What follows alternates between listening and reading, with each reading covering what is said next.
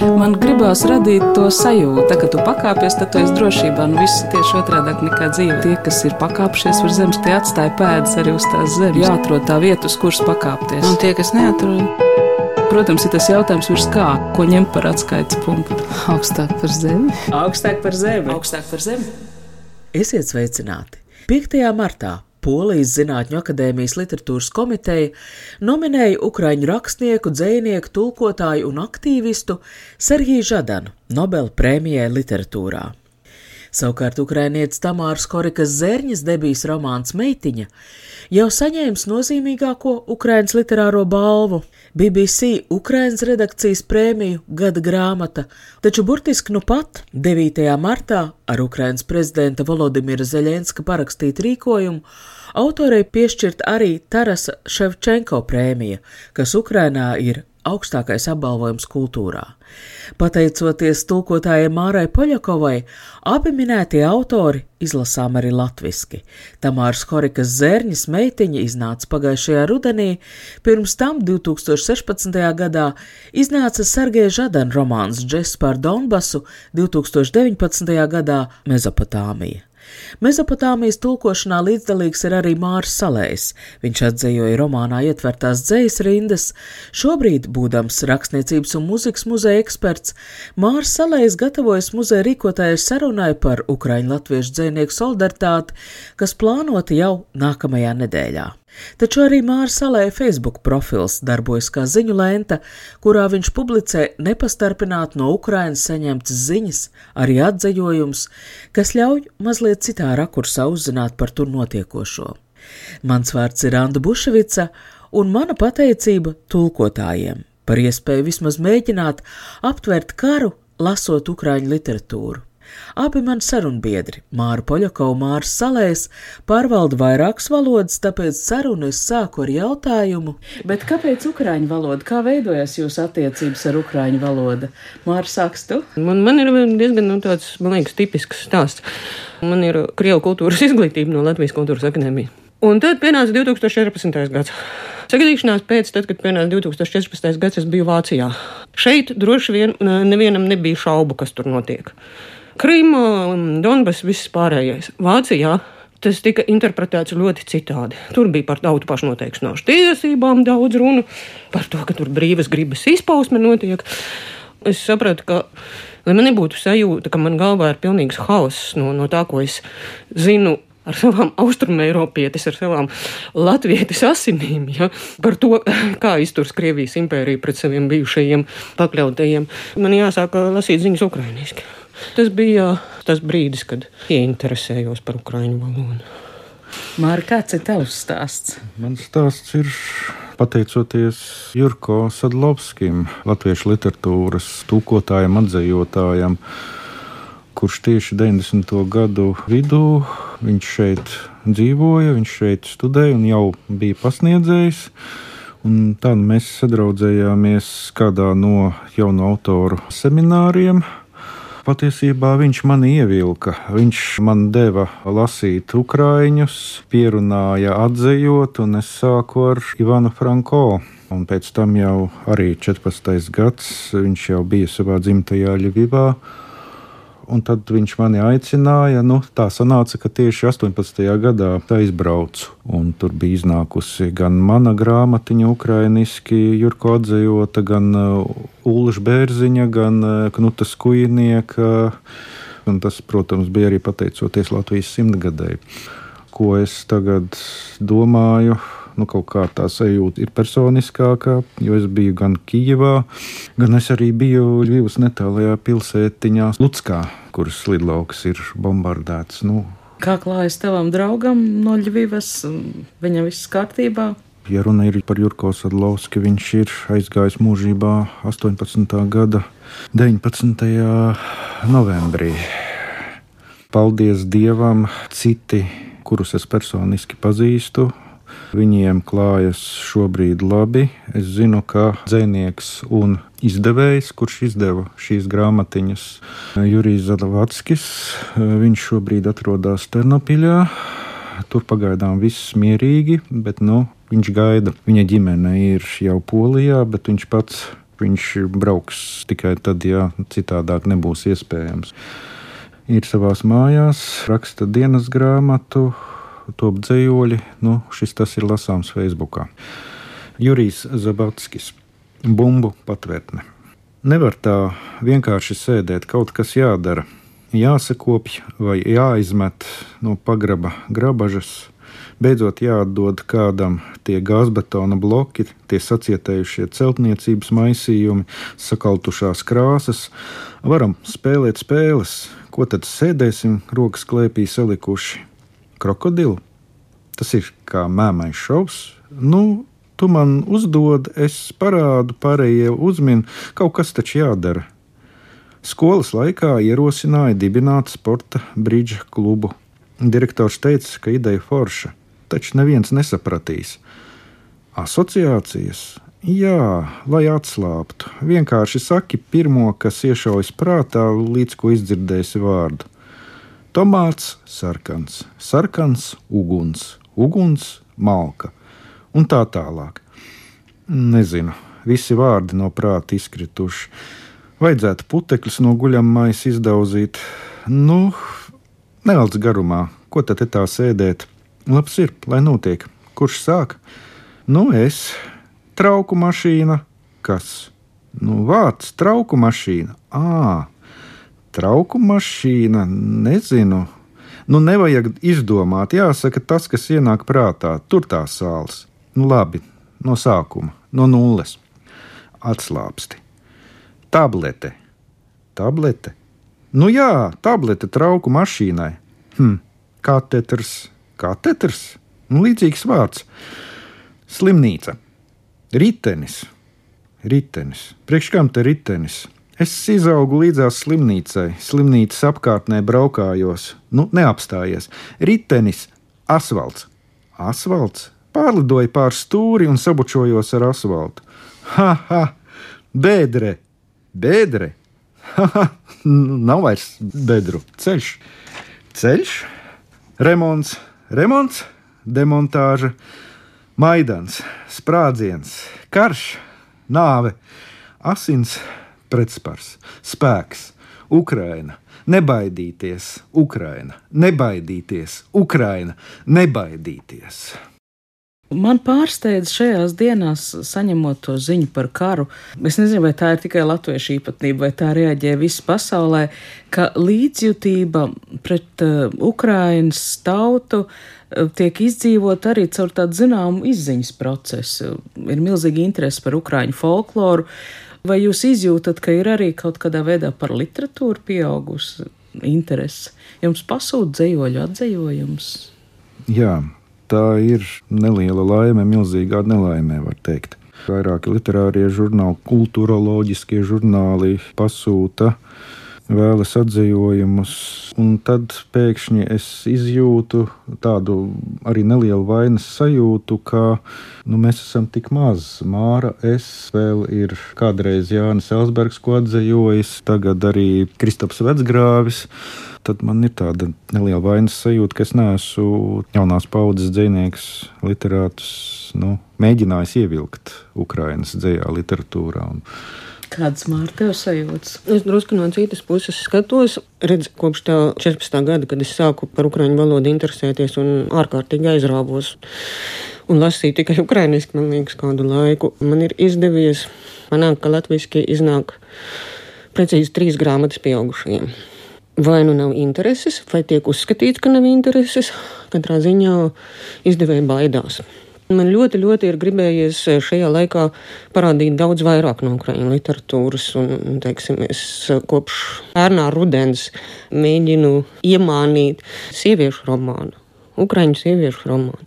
Mans mērķis ir parādīt, ka ukrāņu literatūra ir normāla literatūra, kurā ir viss, kurā ir grāmatas par karu, kurā ir traģika, kurā ir patīkami, jauki sieviešu romāni. Es vēl gribēju piebilst, ka arī ļoti lieliska bērnu literatūra Ukrāņiem ir gan teksti, gan arī grāmatu nu, māksla ir vienkārši fantastiska. Māra to, ko tā bērnu grāmata ir bērnu žūrijas finālā nokļuvusi. Jā, Kura tā ir? Tā ir Harina Budovičenko 36 un 6 kaķi. Bērni ārkārtīgi viņu ir iemīļojuši, un es arī Haļinai esmu dažas bērnu atsauksmes arī pārtulkojis. Viņa ir ļoti, ļoti, ļoti priecīga. Nu, pat tika piešķirta Ševčenko balva, kas ir augstākais apbalvojums eh, kultūrā Ukrainā. Un tajā īsajā sarakstā, dēļ literatūrā, par citu es īsti neinteresējos, dēļ literatūrā bija fantasy grāmata, piemēram, kas man liekas mums Laligabai līdz finālam šis žanrs nevienu reizi nav nokļuvis. Ja? Gan Melngalvas, bet Ah, ah, piedod, jā, jā, romāns, jā, jā. Nu, viņi nedabūja beigās to Ševčenko balvu fantasy grāmatu Zakļātī meču. Es viņu šobrīd lasu. Ļoti aizraujoši. Dabūja Tamāra uh, par meitiņu. Tamāra Horiha Zērņa. Jā. Jo man jāsaka, arī man šī grāmata absolūti sajūsmināja. Sajūsmināja, varbūt pat nav īstais vārds. Grāmatu paņēma pie rīkles. Meitiņa latviešu iznāca pirms pusgada, taču izlasīja to tikai tagad, kara Ukrainā pirmajās dienās. Romāna darbība norisinās, nu jau jāsaka, iepriekšējā kara laikā, 2014. gadā Doņetskā. Stāsta centrā ir sieviete, kurai dzīvē nepaveicies vairāk kārt. Viņa nav mīlēta ģimenē, māte mirusi, tēvs glābdamies no dzeršanas posta, pārdevis iedzīvi, devies strādāt uz ārzemēm, pusaudz meitu nosūtot pie nekad neredzētās vecmāmiņas. Tādējādi meitiņa nokļūst Doņetskā, taču arī tur neatbilst vecmāmiņas daudz dzīvokļu mājas kaimiņu izvirzītajiem kritērijiem. Viņa nav gluži tā sieviete, kas paklausīgi pabeidz skolu, iziet pie vīra. Kādā brīdī galvenā varona atklāja, ka drīkst un spēj darīt citādi. Un tieši tāpēc, ka meitiņai nav vīra, viņa ir gatava riskēt ar dzīvību, sāk organizēt pārtiks, ieroču, slepenu piegādi kaujiniekiem. Vāka anotācijā izlasa, ka romānā ir daudz kas no rakstnieces pašas pieredzētā. Viņa pati ir bijusi brīvprātīgā Donetskas Donbasa karā. Kopā ar savu nākamo vīru viņa ir vedusi kravas. Viņa, man liekas, es to uzrakstīju uz vāciņu. Viņa arī ir turējusi pirkstu uz rokas granātas gredzeni, lai, lai uzspridzinātos, ja būs tāda vajadzība. Tur tajā visā iekšā būdam, viņa ir dzirdējusi tik daudz stāstu, ka vienā brīdī šie stāsti vienkārši lauzās ārā. Ja? Tas ir tas brīdis, kad tu raksti nevis tādēļ, ka tu esi rakstnieks, Bet tu raksti tādēļ, ka, ka tev pirksti paši kustas, un tava galva vienkārši un sirds ir pilna ar, ar to, ko tu gribi pateikt. Es pareizi sapratu, tā ir viņas pirmā grāmata, jo viņa ir tulkotāja. Tā ir viņas pirmā grāmata, tieši tā. Un tulkotājs saprot, ka tā kā konferenču tulkošana sinhroniski. Jā, tieši tā, lietišķais tulkojums. Jā, es zinu, ka jūs arī sarakstāties. Mēs nedaudz sarakstāmies. Es biju spiesta viņai aizrakstīt uh, tulkošanas laikā. Jo grāmatā bija viens vārds, kuru es. Uh, Nu, labi, tas, ka es viņu nezināju, tas man likās normāli. Viņi nebija visā internetā. Pajautāju divām vietējām ukrainietēm, viņas pajautāja tālāk saviem draugiem, paziņām. Neviens nezina šādu vārdu. Es biju spiest rakstīt tam ārā. Kas tas ir par vārdu? Beka. Teikums ir šāds: Inši bekavu zītimuķu, kas nozīmē citi beka vadās. Un, lūk, un tad, kad es saņēmu Tamāras atbildi, man bija tas uh, skudriņas pār kauliem moments. Pēkšņi visa pasaule nodraba un, un, un nostājas kaut kādā citādā um, veidā, citādā komplektā. Izrādījās, ka beka ir boja komplekta. Un es sapratu, kāds es esmu laimes bērns, ka man tas nav bijis jāzina. Tamāra ir manā vecumā plus mīnus. Viņa, viņai šis vārds ir viņas dabiskajā leksikā. Ko šobrīd uh, Tamāra dara? Tamāra, tā tad ir nu pat. Es nezinu, vai tur bija kāda ceremonija Ševčenko prēmijai. Visticamāk, ka nebija. Viņai ir piešķirta Ševčenko prēmija, un viņa tulko modernu ieroču instrukcijas armijai. Вона сама жителька Донецька, яка Yes, she's very real. She's a resident. Intervijas fragments ar Tamāru Horiku Zēriņu Ukrainas televīzijā. і вона реальна людина. She is a real Viņa person. atklāja, ka romāna prototipi ir ļoti īsti reāli cilvēki. Man bija spēcīgs prototyps galvenajai varonei, taču arī citi romāna stāsti tapa sarunājoties ar cilvēkiem. Tas bija kā apzināti veikts, varbūt žurnālistikas pētījums. Journalistic work. Дослідницька пошукова журналістська можлива робота. Мені хотілося для себе з'ясувати. Yes, there are such people. Un vēl viens So I wanted citāts to no find intervijas. out when was Es the gribēju moment, saprast, when kā viss everything sākās, began, when did kurā the brīdī survival miera began, dzīve beidzās, kurā brīdī sākās karš, kā milzīgās cilvēku masās notika lūzums, kas izmainīja viņu dzīvi uz visiem Тому laikiem. що ми все-таки живемо стереотипами, нам би хотілося чути якесь Intervētais Andrēs Alohins kopā ar Tamāru Horigu Zērņu šo interviju atcerās arī Krimas aneksijas pieredzi. pieredze, un personīgi viņam milzīgs pārsteigums esot bijis, no kurienes pēkšņi saradies tik daudz prokrieviski noskaņotu cilvēku. Un šis ir jautājums, kas aktuāls, manuprāt, ir arī šobrīd Latvijā. Traģiskākais, ka mēs paši nevienmēr līdz galam apzināmies, pamanām okupācijas sekas un paliekas. Kara Ukrainā pirmajās dienās Māra Poļakova inicijēja vēstuli valsts valodas centram ar aicinājumu nekavējoties pārskatīt latviešu valodā Ukrainas pilsētu nosaukums. Valsts valodas centram 2017. gadā Ukrainas ārlietu ministrija un Ukrainas vēstniecība lūdza pārskatīt Ukrainas pilsētu nosaukumus tā, lai tie atbilst tam, kādi ir oficiālie nosaukumi Ukrainā, Ukraiņu valodā. Šobrīd izmaiņas ir veiktas.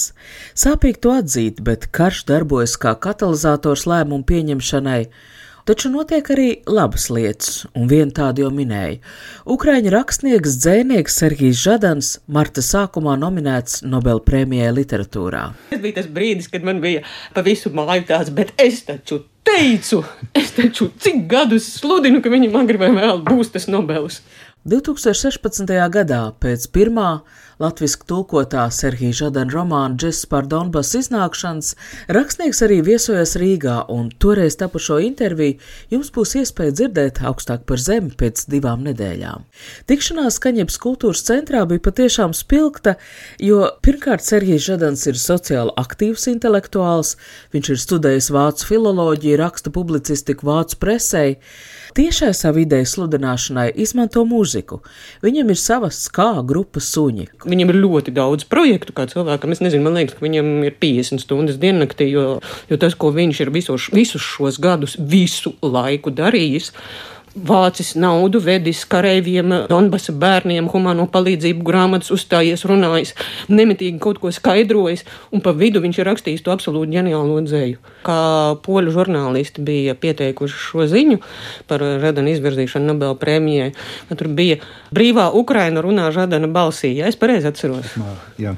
Viņa balss ir brīvās Ukrainas, nepakļaujamās Ukrainas balss. Turklāt jāņem vērā, ka Žadans ir Harkivā. Viņš tur uh, dara visu, strādā. ko jā, viņš, viņš tur strādā. Tu vienā telefona sarunā teici, ka par viņu tur aizējies, zinot, cik viņš mēdz būt sabiedriski aktīvs. Um, protams, ka es par viņu raizējos. Tur met bumbas virsū.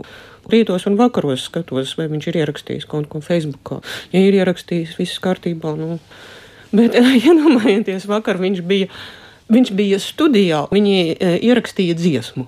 Lūk, šajā laikā, kad pār viņiem met bumbas, uz viņiem met bumbas, kad, kad Harkivi izskatās pēc, pēc Alepo, viņi grib ierakstīt dziesmu.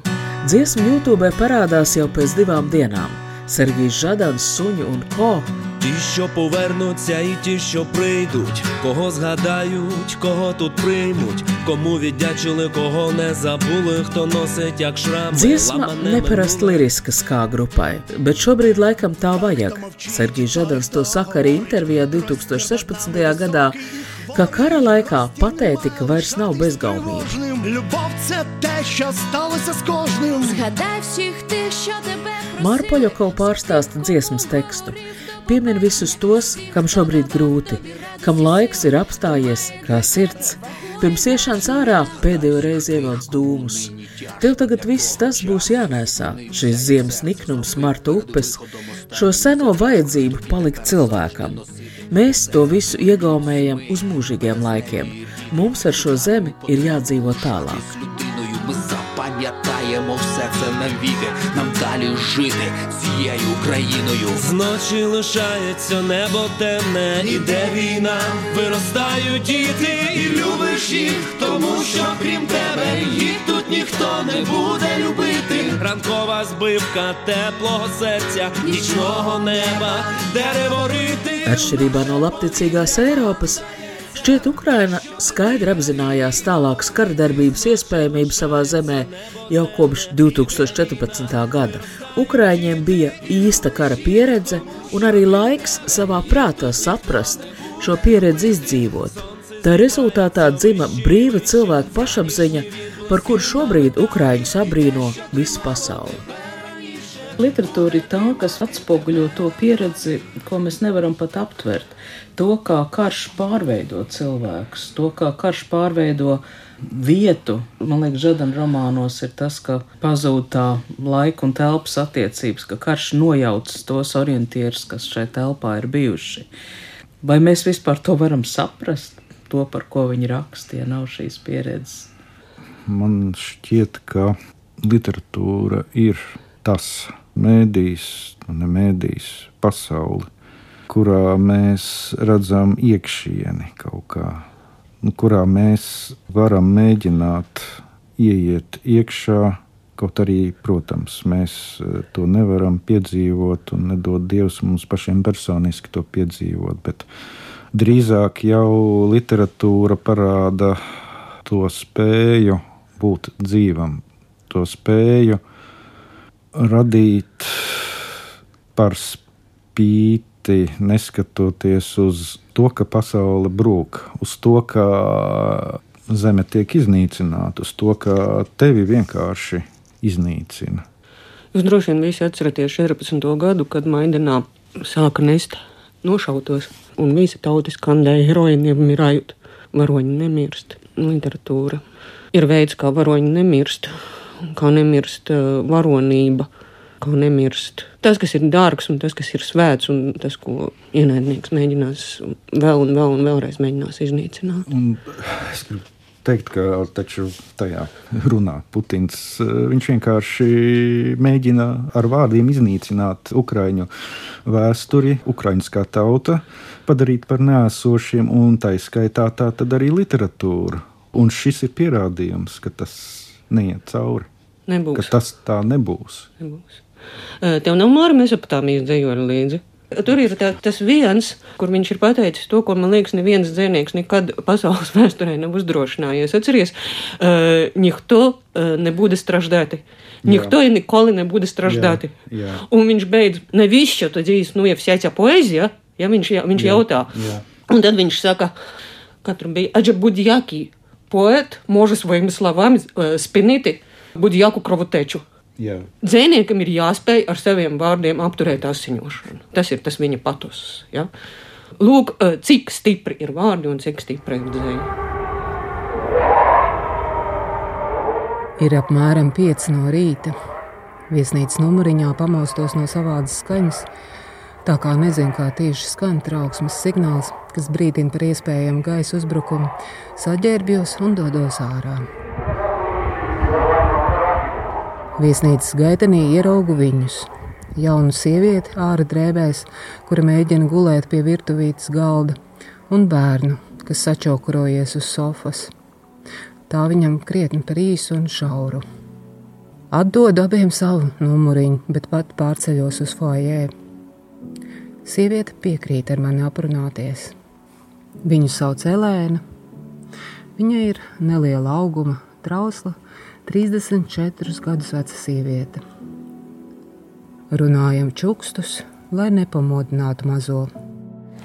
Я с города Винница, с центральной Украины. Es esmu no Vīnīcas pilsētas, kas ir Ukrainas centrālajā daļā. Mēs bēgam no kara un mēģinām nokļūt drošā vietā.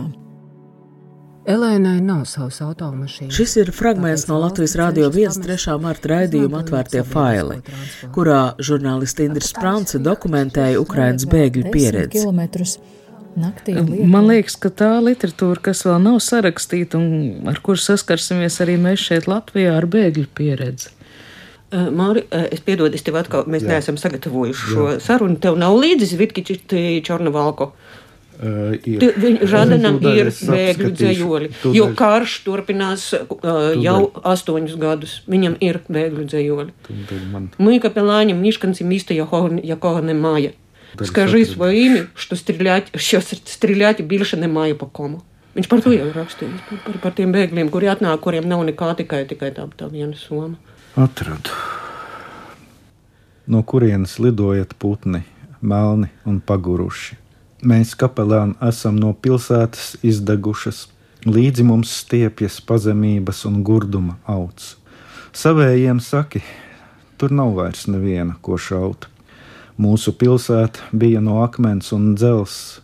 Tagad mums koferi rokās zem kājām ceļš, katrā koferī pelni zem tēmekļiem savākti. Tagad pat mūsu sapņi izdaģiem noklāti. Sievas mums pilsētā bija košas un bezbēdīgas, viņu pirksti caur nakti iesniedzās bezgalībā, dziļi kā asinsvadi bija avoti pilsētā. Mūsu dievnamiem paši mēs uguni pielaidām. Vislabāk par mums pavēstīs kapakmeņi. Vari parunāt vismaz ar mūsu ēnām, noņem spaidus un dāvā mums savu mīlu. Tev taču mācīja sludināt un sniegt komuniju. Pastāsti, kādēļ mūsu pilsētu nodedzināja, pasaki vismaz, ka viņi tiešām nezināja, ko dara. Un ka vainīgos notiesās, saki taču kaut ko, tikai neziņas jaunākās.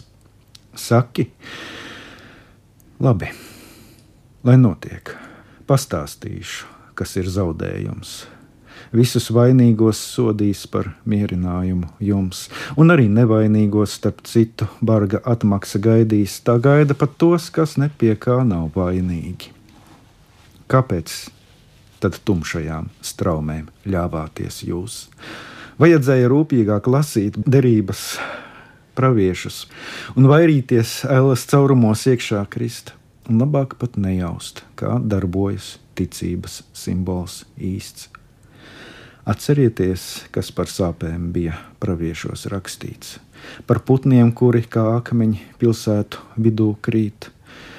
Lūk, tieši tā sākas īstākie zaudējumi, un beigās pat nestāstīšu, tur vispār ir drūmi. Kā tad mēs atšķiramies ar patskaņiem, līdzskaņiem?